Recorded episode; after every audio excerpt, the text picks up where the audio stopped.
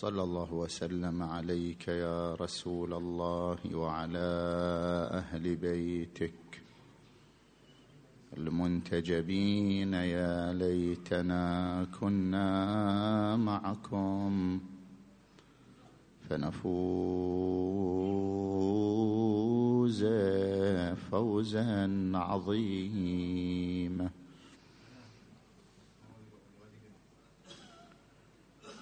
هذا المحرم قد وافتك صارخة مما استحلوا به أيامه الحرم. تنعى إليك دماء غاب ناصرها. حتى أريقت ولم يرفع لكم علموا مسفوحة لم تجب عند استغاثتها إلا بأدمع ثكلى شفها الألم.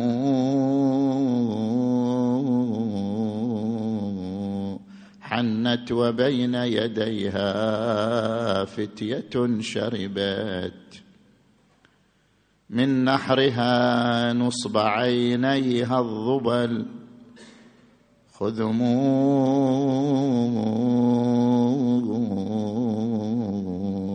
نادت ويا بعدهم عنها معاتبة. بهم ويا ليتهم من عتبها. أمموا.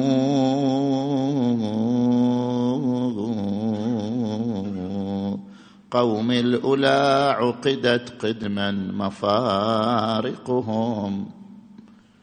على الحمية ماضيم ولا اهتضموا. ما بالهم قد عفت منهم رسومهم. قروا وقد حملتنا الأن يقول الرسم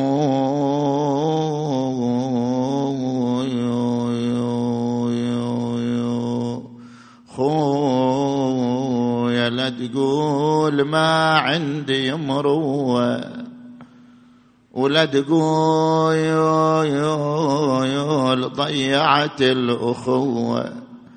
ترى زجر سحبني اليوم قوة وصوت على متني تلوى. يا والله وصوت على متني.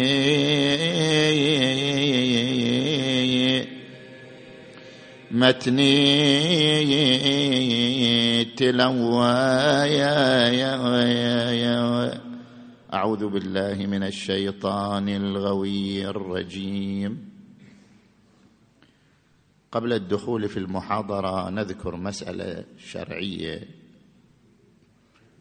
وهي ما يتعلق بجلد الحيوان. الجلد تارة يكون جلدا صناعيا وتارة يكون جلدا حيوانيا. الجلد الصناعي لا إشكال في طهارته وصحة الصلاة فيه. أما الجلد الحيواني الذي نعلم أنه متخذ من حيوان فهذا الجلد إن اشتري من سوق المسلمين يعني من بلد فيها سوق يكثر فيه المسلمون فيبنى على أن الجلد مذكى طاهر تصح الصلاة فيه. وأما أو يؤخذ من يد مسلم إذا لم يشترى من سوق المسلمين أخذ من يد مسلم أيضا يبنى على طهارته وصحة الصلاة فيه. وأما إذا لم نشتره من سوق المسلمين ولم نأخذه من يد مسلم ولم يخبرنا ثقة أنه جلد مذكى. هل نحتمل أنه جلد مذكى أم لا؟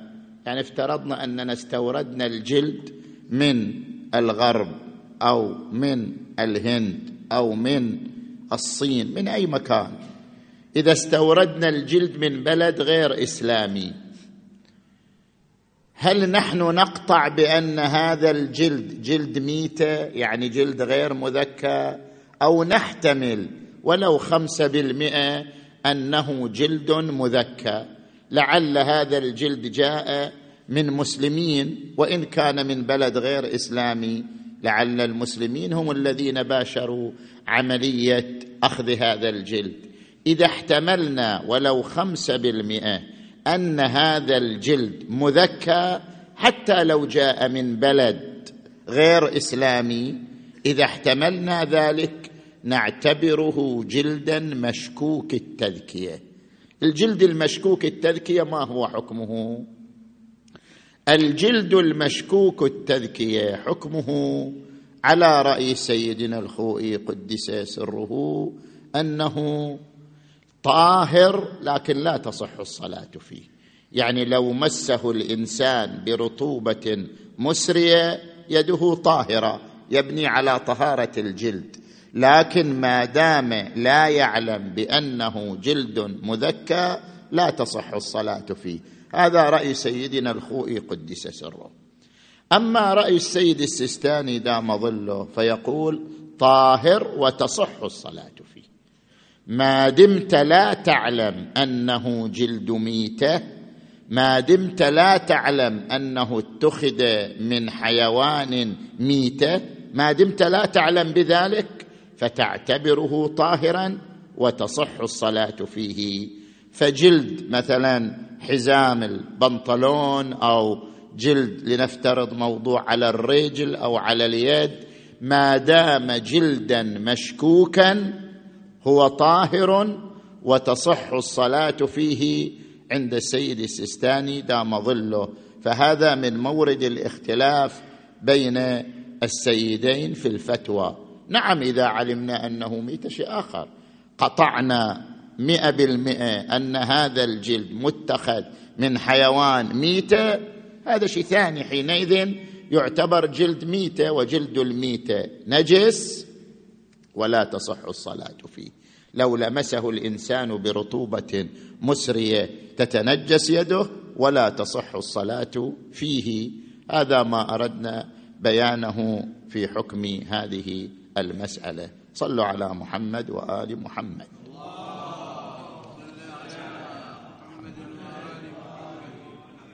أعوذ بالله من الشيطان الغوي الرجيم. بسم الله الرحمن الرحيم.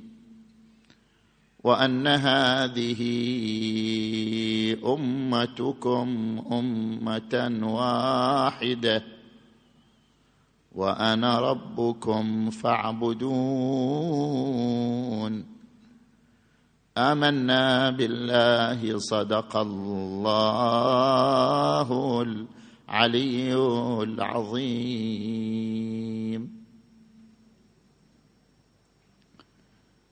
انطلاقا من الآية المباركة نتحدث حول مشكلة الاختلاف. لا إشكال أن المجتمع الإيماني مختلف. يختلف في تحليل القضايا الاجتماعية في توثيق القضايا التاريخية يختلف في القضايا الفكرية يختلف حتى في المعتقدات أنها صحيحة أم غير صحيحة. هذا الاختلاف أمر واقع وحاصل بين المؤمنين ولا يمكن أن ينكره أحد. لأجل ذلك نحن هنا نطرح عدة أسئلة ونريد الإجابة عنها. هل الاختلاف محمود أم مذموم؟ ما هي عوامل الاختلاف؟ هل أن العلماء أنفسهم اختلفوا أم لا؟ هل أن الاختلاف كان موجودا في زمن الأئمة الطاهرين صلوات الله عليهم أجمعين وتصدوا لمعالجته أم لا؟ ما هو دورنا تجاه الاختلاف؟ هذه أسئلة متعددة حول اختلافنا في بعض الأفكار في بعض المعتقدات في بعض المتبنيات. نجيب عن هذه الأسئلة بالتالي بالتوالي. السؤال الأول هل الاختلاف مذموم أم محمود أم هناك تفصيل بين أنواع الاختلاف.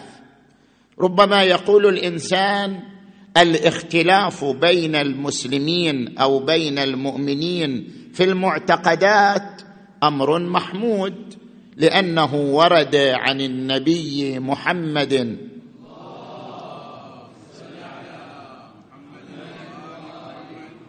أنه قال اختلاف أمتي رحمة. فاختلاف الأمة رحمة. اذا يجب أن نعتبر الاختلاف ممدوحا وليس مذموما. هنا أتعرض لرواية تعالج هذا المروي عن النبي صلى الله عليه وآله. لاحظوا معي. عن عبد المؤمن الأنصاري في كتاب علل الشرائع الجزء الأول صفحة 85 قلت لأبي عبد الله الصادق عليه السلام إن قوما يروون أن رسول الله صلى الله عليه وآله قال اختلاف أمتي رحمة. هل هذا الحديث صحيح أو لا؟ يسأل الإمام الصادق عن الحديث أجاب عليه السلام. قال عليه السلام صدقوا. فعلا النبي قال صدقوا. فقلت إذا كان اختلافهم رحمة فاجتماعهم عذاب. اذا ما يصير يجتمعوا؟ اجتماعهم يصير عذاب. قال ليس حيث تذهب وذهبوا. إنما أراد النبي بقوله اختلاف أمتي رحمة أراد قول الله عز وجل فلولا نفر من كل فرقة منهم طائفة ليتفقهوا في الدين ولينذروا قومهم إذا رجعوا إليهم لعلهم يحذرون فأمرهم أن ينفروا إلى رسول الله ويختلفوا إليه فيتعلموا ثم يرجعوا إلى قومهم فيعلموهم إنما أراد اختلافهم من البلدان لا اختلافا في الدين إنما الدين واحد. الإمام الصادق عليه السلام يقول فرق بين الاختلاف إلى الشيء والاختلاف في الشيء. الاختلاف إلى رسول الله نعم ممدوح. الاختلاف إليه يعني التوافد عليه لتعلم الأحكام. هذا أمر ممدوح. وهذا هو المقصود بقوله صلى الله عليه وآله اختلاف أمتي رحمة. وأما الاختلاف في الدين نفسه فلا إنما الدين واحد إنما الدين واحد. هناك يا إخوان فرق بين الاختلاف في تحليل الدين والاختلاف في قبول الدين. الاختلاف في تحليل الدين. ظاهرة صحية. مثلا نحن متفقون على حركة الإمام الحسين عليه السلام لكن نختلف في تحليلها. هل أن حركة الحسين بتكليف يخصه أو بتكليف عام؟ وإذا كانت بتكليف عام هل أن الهدف من حركة الحسين هو الإصلاح أم الهدف من حركة الحسين تجسيد مظلومية أهل البيت عليهم السلام؟ هذا اختلاف في التحليل. هذا الاختلاف في التحليل أمر ممدوح. لأن الاختلاف في التحليل تحليل المفاهيم الدينية يثري الأفكار ويعمق المفاهيم ويحفزنا على البحث والتدقيق. هذا الاختلاف اختلاف ممدوح. وهناك اختلاف مذموم. أن نختلف في قبول الدين أو عدم قبوله. بلا إشكال هذا اختلاف مذموم لأنه اختلاف في الدين يعني في قبوله وعدم قبوله. زين. نجي الآن إلى السؤال الثاني. هل أن هل أن دير بالك على هذا السؤال. ما هي عوامل الاختلاف؟ عفوا. ما هي عوامل الاختلاف؟ ليش إحنا نختلف؟ ليش أنا وياك أختلف في الأفكار في المعتقدات في المباني لماذا نختلف؟ ما هي أسباب الاختلاف؟ السبب الأول من أسباب الاختلاف اختلاف الأذهان.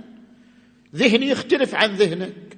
اختلاف المستويات الفكرية يقتضي اختلافنا في الفهم يقتضي اختلافنا في الأفكار لأننا نختلف في المستوى الذهني. لأننا نختلف في المستوى الفكري وقد أشار القرآن الكريم إلى ضرورة أن الإنسان لا يكون مقلدا لا يكون متبعا لغيره إلى ضرورة أن يكون الإنسان مفكر معتمد على فكره وعقله.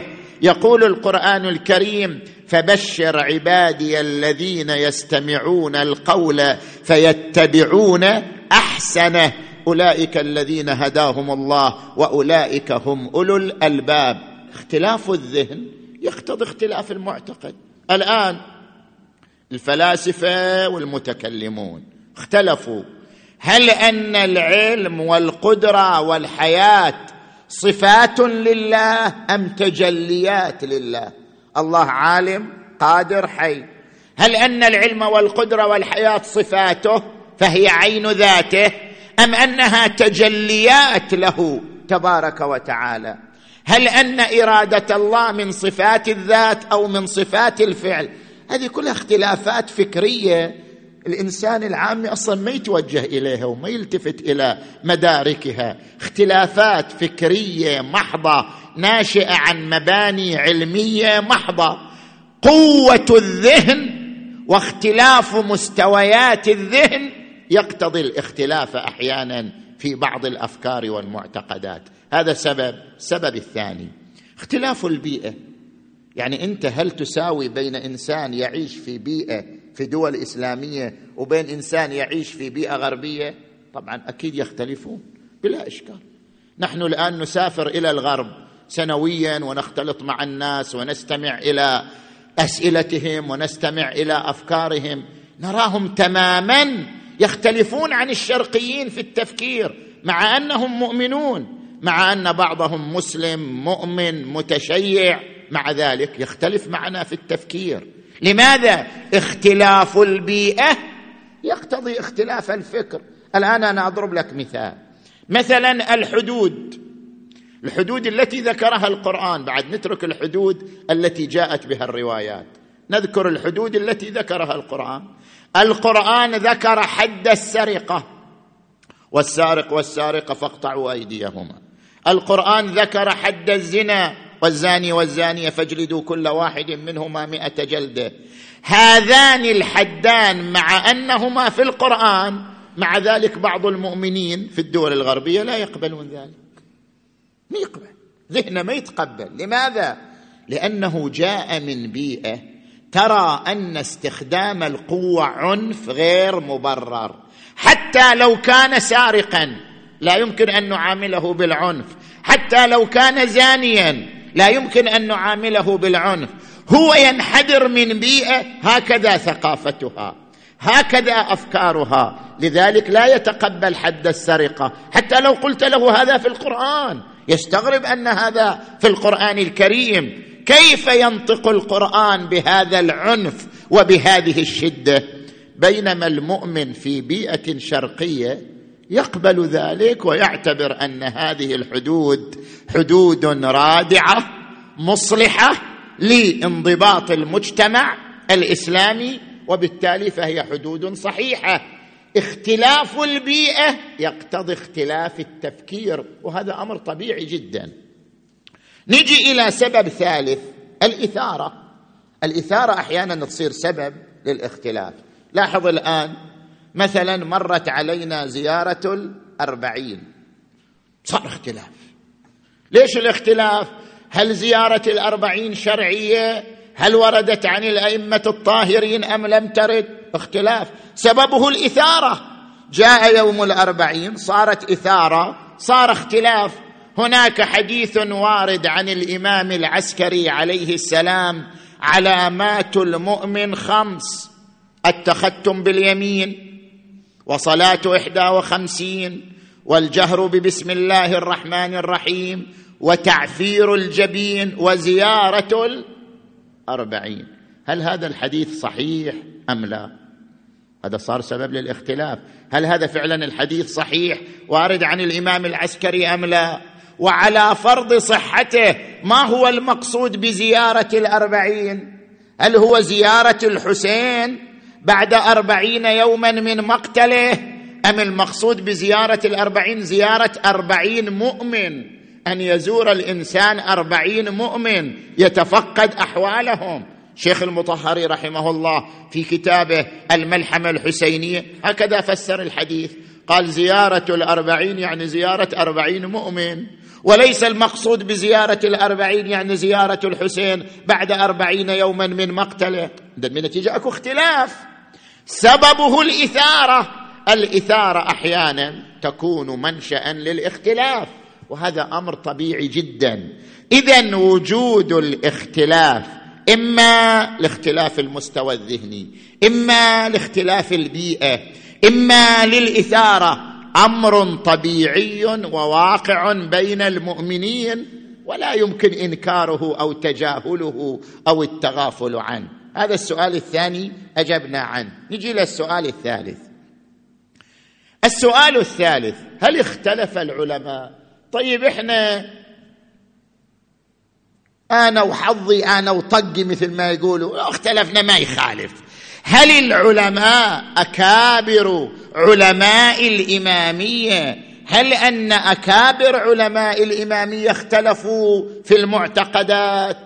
وإذا كان العلماء قد اختلفوا في المعتقدات فكيف تعامل بعضهم مع بعض؟ أقول لك نعم أكابر علماء الإمامية اختلفوا. وقد نقلنا سابقا أن الوحيد البهبهاني رحمه الله في كتابه الفوائد الرجالية قال اختلف القدماء قدماء علمائنا المفيد والصدوق وغيرهم اختلفوا في الأصول أصول المعتقدات اختلفوا فيها. أنا الآن أذكر لك كلمات من أكابر علمائنا. أنت تستغرب.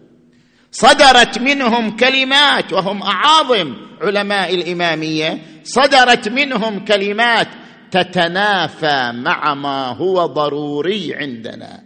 تتنافى مع هو من المسلمات والضروريات عندنا في عصرنا الحاضر. استمع لذلك.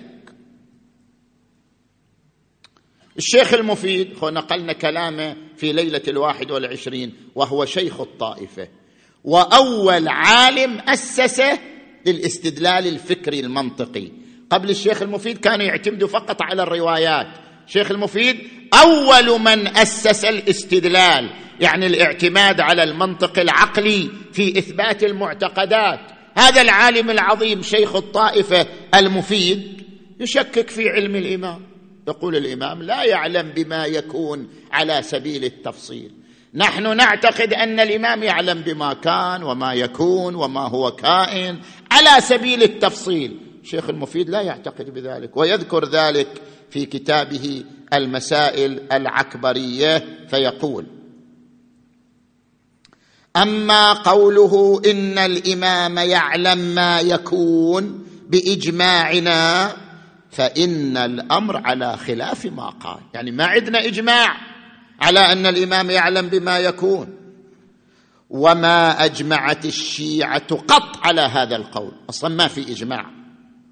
وإنما إجماعهم ثابت على أن الإمام يعلم الحكم في كل ما يكون. دون أن يكون عالما بأعيان ما يحدث ويكون على التفصيل والتمييز. وهذا يسقط الأسئلة بأجمعها. يعني كانت كل الأسئلة متعلقة بعلم الإمام يقولها ساق كلها ساقطة لأن الإمام لا يعلم ما يكون على سبيل التفصيل والتمييز. طيب هذا منافي. كلام الشيخ المفيد يتنافى مع ما هو المسلم عندنا في عصرنا الحاضر. لاحظوا هذا كلام الشيخ المفيد. زين الشيخ الصدوق عليه الرحمة صاحب كتاب من لا يحضره الفقيه. أحد أعمدة المذهب المذهب الإمامي. الشيخ الصدوق يرى سهو النبي النبي يمكن أن يسهو. ويستدل برواية ذي اليدين أن النبي سهى في الصلاة بدل ما يصلي أربع ركعات صلى ركعتين سهى في صلاته. ثم يقول الشيخ الصدوق أول الغلو نفي السهو عن النبي. إذا تقول النبي ما يسهو هذا أول الغلو. طيب هذا كلام الشيخ الصدوق. نحن نعتقد أن النبي لا يسهو. الشيخ الصدوق يقول يسهو بل قولك بعدم السهو أول الغلو. لاحظ الشيخ المفيد شلون يرد عليه. شوف الرد الشديد. الشيخ المفيد وهو من الأعاظم. شيخ الصدوق وهو من الأعاظم. كيف الشيخ المفيد يرد على الشيخ الصدوق؟ يقول في كتابه عند رسالة الشيخ المفيد في عدم سهو النبي كتبها في عدم سهو النبي صفحة 32 إن شيعيا يعتمد على هذا الحديث يعني حديث ذي اليدين في الحكم على النبي بالغلط وارتفاع العصمة لناقص العقل. هذا إنسان ناقص العقل ضعيف الرأي. قريب إلى ذوي الآفات المسقطه للتكليف. يعني قريب من الجنون اللي يسقط التكليف. زين؟ ويقول أيضا في رده على الشيخ الصدوق في صفحة بل في صفحة ثلاثين.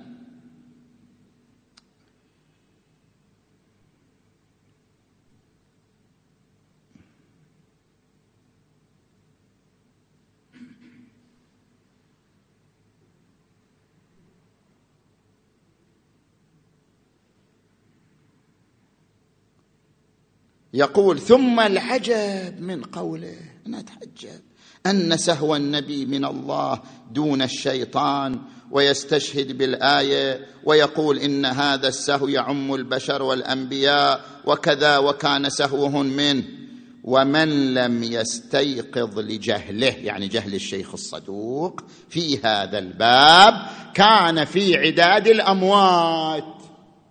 اللي ما يرى الشيخ الصدوق جاهل بهذه المسألة فهو من عداد الأموات. ويقول إن مقاله أن النافي عن النبي السهو غال كفى به كفى بمن صار إلى هذا المقال خزيا. طيب هذا الشيخ مفيد وهذاك منه شيخ الصدوق وكلاهما من العظماء. وهذا الشيخ المفيد يعبر عن ذاك بأنه وصل إلى حد الآفات المسقطة للتكليف وأن قوله ناقص العاقل وأن وأن لما سمعت بعد ما يحتاج أبي. زين. هذا الشيخ المفيد هذا الشيخ الصدوق. من المتأخرين من علمائنا انظر إلى صاحب الجواهر.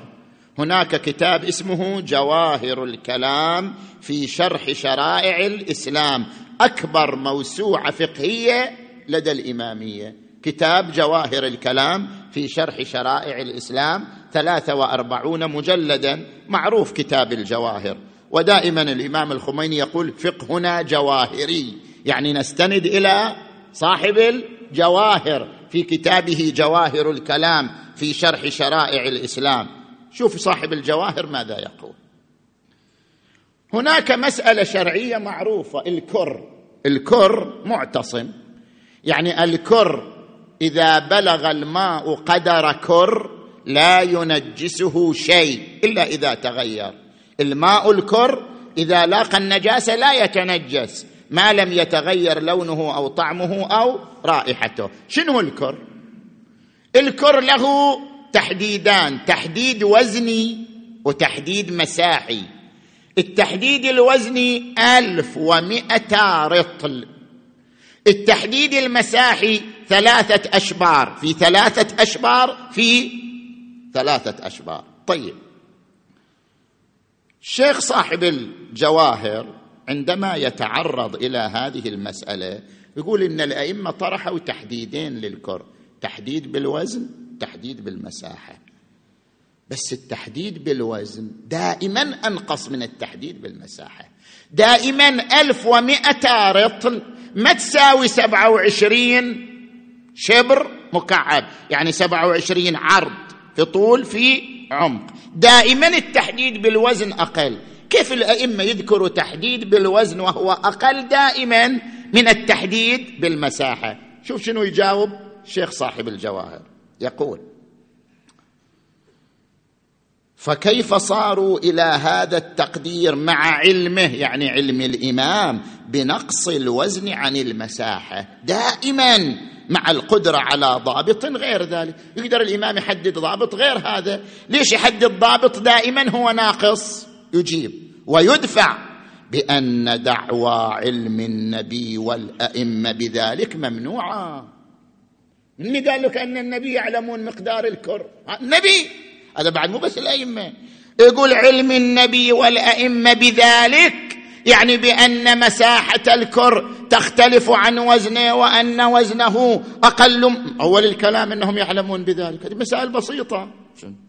بأن دعوى علم النبي والأئمة بذلك ممنوعة ولا غضاضه فإن علمهم ليس كعلم الخالق عز وجل. فقد يكون رأوه بأذهانهم الشريفة واجرى الله الحكم عليه. وهذا صاحب الجواب. شو تقول أنت بعد؟ زين. بعد. سيدنا الخوئي في أعظم سيدنا الخوئي. آه. صاحب الجواهر. وصلنا إلى سيدنا الخوئي قدس سره. سيدنا الخوئي قدس سره في موسوعته الفقهية العظيمة المباركة. ما في الآن مجتهد. الآن في زماننا لا يوجد مجتهد لا يعتمد على موسوعة السيد الخوئي ما في. كل المجتهدين في زماننا وإلى مئة سنة عال على من؟ على السيد الخوئي لا مجتهد إلا ويرجع إلى موسوعة السيد الخوئي ويعتمد عليها سواء كان من تلامذته أم من غير تلامذته. موسوعته الفقهية المباركة جزء 32 صفحة 364 شوف شو يقول. أكو مسألة في الفقه الجمع بين فاطميتين. يعني إذا أنت متزوج سيدة علوية وتكسر خاطرها وتروح تتزوج عليها شنو؟ امرأة أخرى. هسه إذا تزوجت عليها امرأة أخرى المرأة الأخرى عامية شوية مهضومة. أما إذا تتزوج على هذه الفاطمية بفاطمية أخرى بعلوية أخرى هذا فيه روايات. اسمع من هذه الروايات. ما رواه الصدوق بإسناده عن حماد قال سمعت أبا عبد الله الصادق عليه السلام يقول لا يحل لأحد لا يحل. لا يحل لأحد أن يجمع بين اثنتين من ولد فاطمة. عليها السلام. إن ذلك يبلغها فيشق عليها. يعني هذا يصل إلى الزهراء ويؤلمها. إن ذلك يبلغها فيشق عليها. شوف قلت يبلغها. سائل مستغرب. يعني الزهره تعلم بأن هذا الزوج على امرأته الفاطمية؟ قلت يبلغها؟ قال نعم. إي والله. إنه ليبلغها فيشق عليها. طيب. كثير من الفقهاء قالوا هذه الرواية يؤخذ بها. لا يجوز الجمع بين فاطميتين. بعضهم قال لا مو حرام ولكنه مكروه وليس بحرام. لكن سيدنا الخوئي قدس سره عندما يتناول هذه الرواية ماذا يقول؟ يقول لو كان دالا يعني هذا الحديث على التحريم لكان لازمه القول بحرمة كل ما يلزم من إيذاء سيدة النساء كطلاق الفاطمية مثلا. بعد حتى لو فرض أنه إيذاء لها. يقول نفترض أن الزواج الثاني إيذاء للزهراء. نفترض أنه إيذاء للزهراء حتى لو فرض كونه إيذاء لها فإنه لا دليل على حرمة الفعل المقتضي لإيذاء المؤمن. وحيث إن المقام من هذا القبيل فإن التزوج بالثانية أمر مباح. فمجرد تأذي فاطمة عليها السلام لا يقتضي حرمته. إيش رأيك أنت؟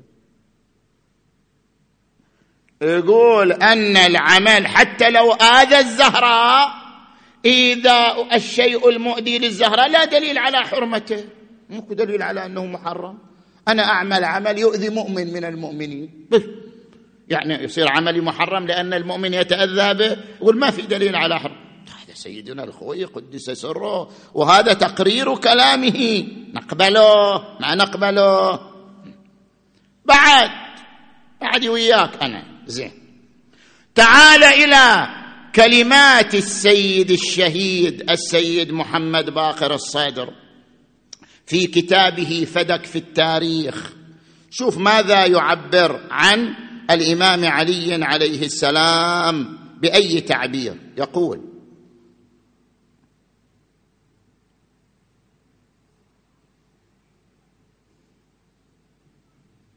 يجب أن نعلم على سبيل صفحة 96 من كتابه فدك في التاريخ. يجب أن نعلم على سبيل الإجمال بأن عليا عليه السلام لم يكن رئيسا ولا كان قاصرا أو مقصرا حينما فشل. في زعزعة الوضع القائم بعد النبي صلى الله عليه وآله. فشل والإمام علي فشل. زين؟ ثم يقول يكرر نفس نفس نفس العبارة إن عليا عليه السلام صفحة 233 إن عليا عليه السلام بعد أن فشل في تعبئته الفكرية عقيب وفاة رسول الله صلى الله عليه وآله. طيب إيش رأيك أنت؟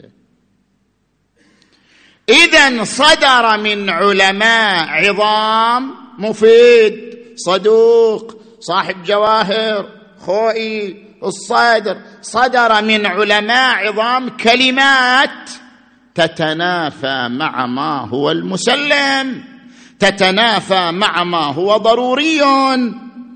فماذا نقول في ذلك؟ بل شنع بعضهم على بعض مثل ما رأينا المفيد شنع على الصدوق بتشنيع بليغ. سيد الخوئي نفسه في منهاج الصالحين في الجزء الأول صفحة 11 يقول صحيح العلماء شنع بعضهم على بعض لكن شوف عبارته عبارة جميلة وقد صدر من جماعة كثيرة من العلماء القدح في القائل يعني إذا واحد يختلف إياهم القدح في القائل بقلة التدبر. والتأمل وسوء الفهم ونحو ذلك وكأن صدور ذلك منهم لئلا يحصل التهاون في تحقيق الحقائق. عصمنا الله تعالى من الزلل ووفقنا للعلم والعمل. إنه حسبنا ونعم الوكيل. يقول قد يصدر من العلماء مثل هذا التشنيع لأن هدفهم تحقيق الحقائق.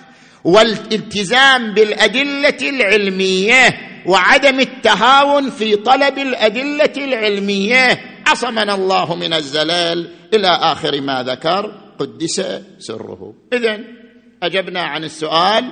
شنو؟ الثالث أو الرابع؟ ها؟ الثالث أن العلماء اختلفوا وشنع بعضهم على بعض. طيب نجي إلى السؤال الرابع. هل أن الاختلاف كان موجودا في زمن الأئمة؟ أو أنه الآن حصل اختلاف جديد؟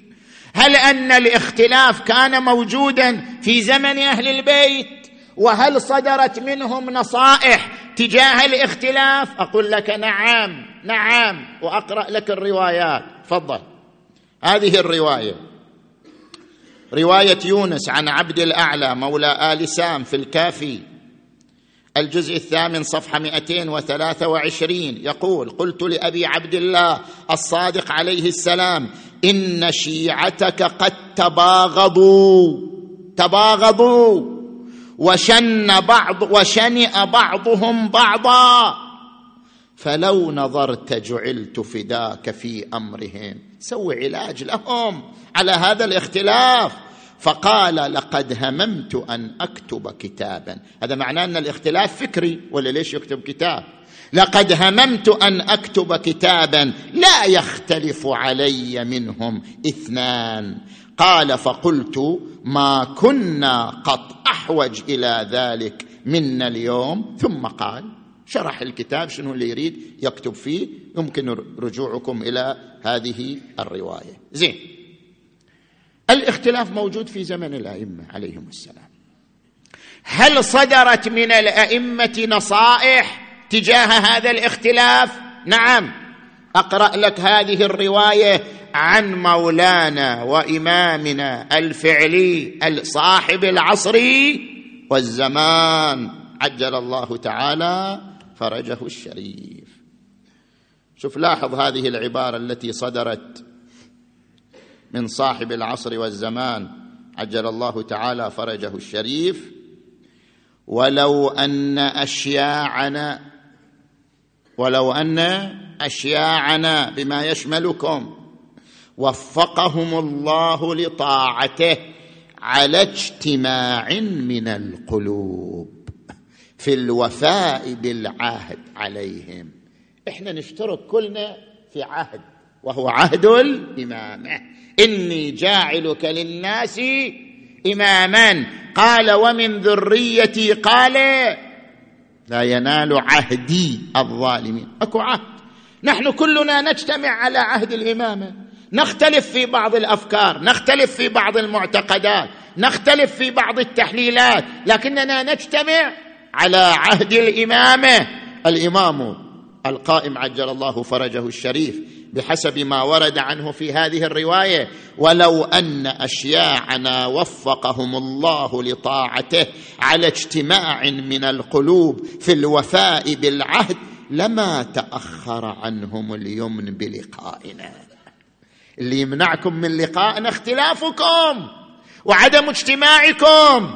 لما تأخر عنهم اليمن بلقائنا ولتعجلت لهم السعادة بمشاهدتنا على حق المعرفة وصدقها منهم بنا فما يحبسنا عنهم إلا ما يتصل بنا مما نكرهه ولا نؤثره منهم والله المستعان وهو حسبنا ونعم الوكيل. نجي إلى النقطة الأخيرة من حديثنا. حتى لا أطيل عليكم. الاختلاف يا إخوان موجود. نحن نختلف في الأفكار نحن نختلف في بعض المعتقدات نحن نختلف في بعض التحليلات. ولكن ما نراه من صورة في التعامل مع الاختلاف صورة مقيتة صورة بغيضة صورة يكرهها أهل البيت. صورة يرفضها الأئمة الطاهرون صلوات الله وسلامه عليهم أجمعين. ترى أن بعضنا إذا لم يقتنع بممارسة معينة افترض ممارسة ما يعتبرها شعيرة هو بنظرة غير شعيرة. يشنع على من يراها شعيره حتى لو كان من العلماء ويسمهم بالجاهل والخرافة والناقص. زين؟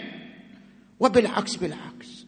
من يرى عملا معينا شعيرا غيره لا يقبله. ماذا يصف غيره؟ الذي لا يقبل.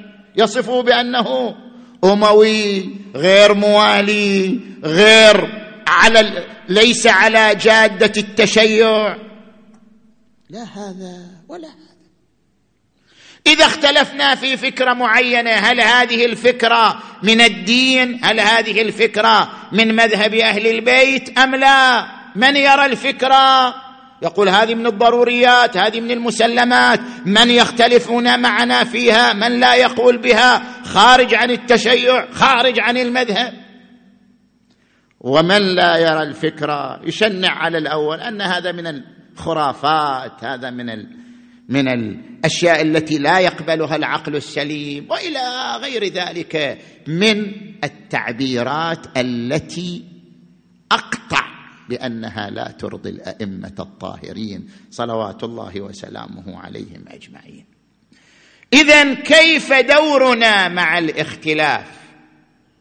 لاحظوا هنا أمور ثلاثة. الأمر الأول لا تتصور أن هذا الاختلاف ظاهرة مرضية ابدا. أنت عندما تسمع عن موجات إلحاد موجات تشكيك موجات لا دينية موجات تتحدث عن بعض أمور المذهب أو عن بعض شعائره أو عن بعض ممارساته لا تعتبر هذا ظاهرة مشؤومة ظاهرة مرضية ابدا. أنا أعتبرها ظاهرة طبيعية وتحدث في كل زمن وتحدث في كل مجتمع. أصلا ظاهرة طبيعية جدا. بالعكس هذه الظاهرة تحفز الباحثين على التأمل على التفكير على تعميق المفاهيم الإسلامية على تعميق مفاهيم مذهب أهل البيت وتقويمها وتقوية أدلتها وليست ظاهرة مرضية اطلاقا. هذا اولا. الأمر الثاني. نحن نؤمن بالنقد لكن النقد العلمي. يا أخي انقد الفكرة ما حد قال لا. بس لماذا تعبر بأساليب؟ تعبر بأساليب توجب البعد والحزازه بين المؤمنين. قول أنا هذه الممارسة لا أقبلها. لكذا وكذا. أنا هذه الفكرة لا أقبلها لكذا وكذا. أنت أيضا من ترى هذه الممارسة وتعتبرها شعيرة قل أنا هذه الممارسة أعتبرها شعيرة وأدلتي كذا وكذا. ليكن نقدنا علميا لتكن أساليبنا مبنية على العلم. انتهى زمان التهريج وانتهى زمان استخدام الألفاظ البذيئة من بعض للبعض الآخر. الآن في زماننا هذا لا يصمد إلا المنطق العلمي. لا يصمد إلا المنطق المبني على الدليل والبرهان. ليكن أسلوبنا اسلوبا علميا في مناقشتنا في نقدنا في تقويمنا لما نسمع من أفكار ولما نرى ونشاهد من ممارسات وأفعال. ليجب أن يكون نقدنا نقدا علميا. هل يستوي الذين يعلمون والذين لا يعلمون؟ الأمر الثالث عند كثير منا تسرع بمجرد يسمع فكرة الآن سمعت أنت أفكار. سيد الخوئي سيد الصدر فلان. بمجرد يسمع فكرة. إيه خل هذا فيه وفي. شوي شوي شوي. التسرع يؤدي إلى خطر في دينك خطر في سلوكك. تارة تصدر كلمة من عالم من مفكر من إنسان معروف. كلمة خطأ بنظرك أنت. كلمة شطحه بنظرك خطأ بنظرك زلة فليكن. هذه لا توجب خروجه عن المذهب ولا توجب خروجه عن الدين لكلمة قالها لفكرة طرحها. لا يقيم ولا يقوم الرجال بكلمة أو بموقف أو بتحليل. نعم نفرق بين طرفين. طرف تكلم بكلمة طرح فكرة. وطرف هو مبتدع في الدين. نعم إذا كان شخص نهجه هو ضرب الضرورات ضرب المسلمات ضرب الدين ضرب المذهب. إذا شخص نهجه هو ذلك ضرب الضرورات ضرب المسلمات في الدين أو في المذهب نعم يقال هذا مبتدع لأن هذا منهج إليه. أما شخص اختلف معنا في فكرة في ممارسة في تحليل معين في رأي معين لا يصح أن نقف هذا الموقف الذي نحن نتبناه أو نسير عليه. لاحظوا الإمام الرضا والإمام الكاظم. الإمام الكاظم واجه فرقة لا تؤمن بإمامته وهي فرقة الفطحية التي قالت بإمامة أخيه عبد الله الأفطح. الإمام الرضا واجه فرقة لا تؤمن بإمامته وهي فرقة الواقفية. لكن اختلف الإمامان في الموقف. الإمام الرضا ذم الواقفية وسماهم الكلاب الممطورة وأمر الشيعة بمقاطعتهم وعدم الالتقاء معهم. بينما الإمام الكاظم احتضن الفطحيه واستوعبهم وقربهم إليه. إلى أن أصبحوا ضمن المذهب ضمن الإمامية دون أن يفترقوا عنها. المحدث النوري صاحب المستدرك تعرض للموقفين موقف الرضا وموقف الكاظم. لماذا؟ قال لأن الفطحية لم يخالفوا الإمام عن عناد ولا عن مكابرة وإنما كانت شبهه في أذهانهم. وكانوا مع الإمامية متفقين اصولا وفروعا. لذلك ما واجههم الإمام الكاظم بل استوعبهم. أما الواقفية فقد خالفوا الإمام الرضا عنادا إصرارا على الأموال التي كانت بحوزتهم. لذلك الإمام أمر بمقاطعتهم وسماهم الكلاب الممطورة. وجود من يختلف مع بعض الأئمة ومع ذلك الأئمة عاملوه عاملوه بالاستيعاب. يعلمنا كيف نكون مؤدبين في اختلافاتنا؟ كيف نبني اختلافاتنا على النقد العلمي وعلى الأدب العلوي الموروث عن أهل البيت صلوات الله وسلامه عليهم أجمعين؟ لاحظوا سليمان بن صرد الخزاعي ألم يعترض على الإمام الحسن؟ ويقول له السلام عليك يا مذل المؤمنين. الإمام الحسن استوعب أنه وجه من وجوه الشيعة. ليش الإمام يرفضه؟ وجه من وجوه الشيعة. الإمام احتضن واجلس معه وقال والله لو كان مثلك عشرة لقاتلت. ولكن ما أكو عندي أنصار إلى أن اقتنع بكلام الإمام الحسن عليه السلام. محمد بن الحنفية عبد الله بن جعفر اعترض. ما نقول اعترض؟ ولكن ما كانا موافقين مع خروج الإمام الحسين عليه السلام إلى العراق. محمد بن الحنفيه قال أناشدك الله في نفسك يا أبا عبد الله أناشدك الله في أهلك أناشدك الله في أولادك. إن أهل العراق فعلوا كذا بأخيك فعلوا كذا بأبيك أناشدك الله في ذلك. الإمام الحسين ما كان عنده وقت للمناقشة وما كان عنده وقت للنقد. الموقف يقتضي سرعة أخذ القرار في ذلك الوقت. قال له يا أخي إن الله إن رسول الله أمرني بأمر وأنا ماض فيه. خلاص. وعبد الله بن جعفر زوج العقيلة زينب. شوف العقيلة زينب. طبعا العقيلة أكثر وعي من زوجها. وأكثر وعي من أخيها محمد بن الحنفية. هو العقيلة زينب بعد. ربيبة العصمة بنت علي وفاطمة كانت مستوعبة لمشروع الحسين وحركة الحسين أكثر من محمد بن الحنفية وأكثر من عبد الله بن جعفر. فكانت مع الحسين كتفا إلى كتف ويدا بيد زوجها عبد الله بن جعفر. قال للحسين عليه السلام أنا عندي أعمال تمنعني من الخروج معك فخذ أولادي معك. وأولاده جاءوا طوعا مع خالهم الحسين بن علي صلوات الله وسلامه عليه. الحسين لم يصدر منه كلمة ذم ولا سوء لا في محمد بن الحنفية ولا في عبد الله بن جعفر اطلاقا. وإن اختلفا معه في تحديد الموقف وهو إمام معصوم مفترض الطاعة. ألا وان ألا فمن كان فينا باذلا مهجته.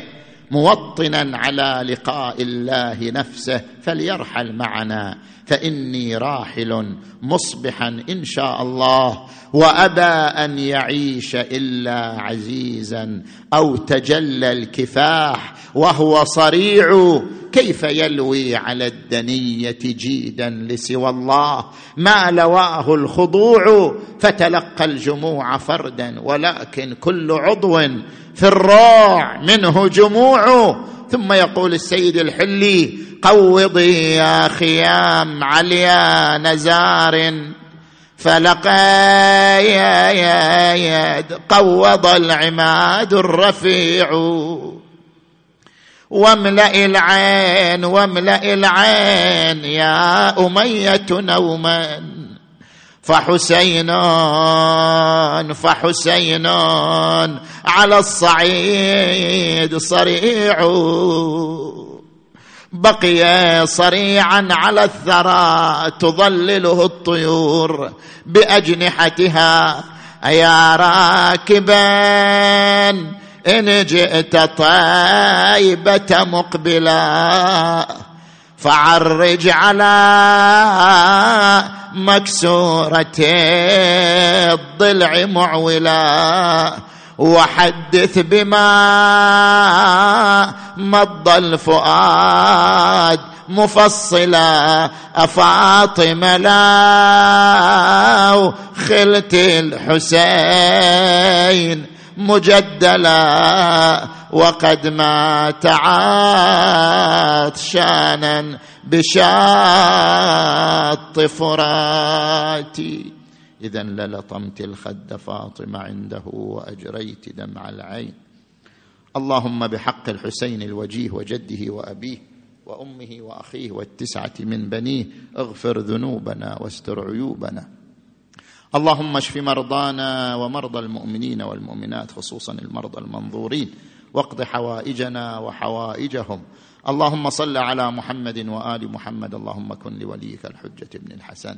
صلواتك عليه وعلى آبائه في هذه الساعة وفي كل ساعة وليا وحافظا وقائدا وناصرا ودليلا وعينا حتى تسكنه أرضك طوعا وتمتعه فيها طويلا. برحمتك يا أرحم الراحمين. وإلى أرواح أموات أمواتكم وأموات المؤمنين والمؤمنات. الفاتحة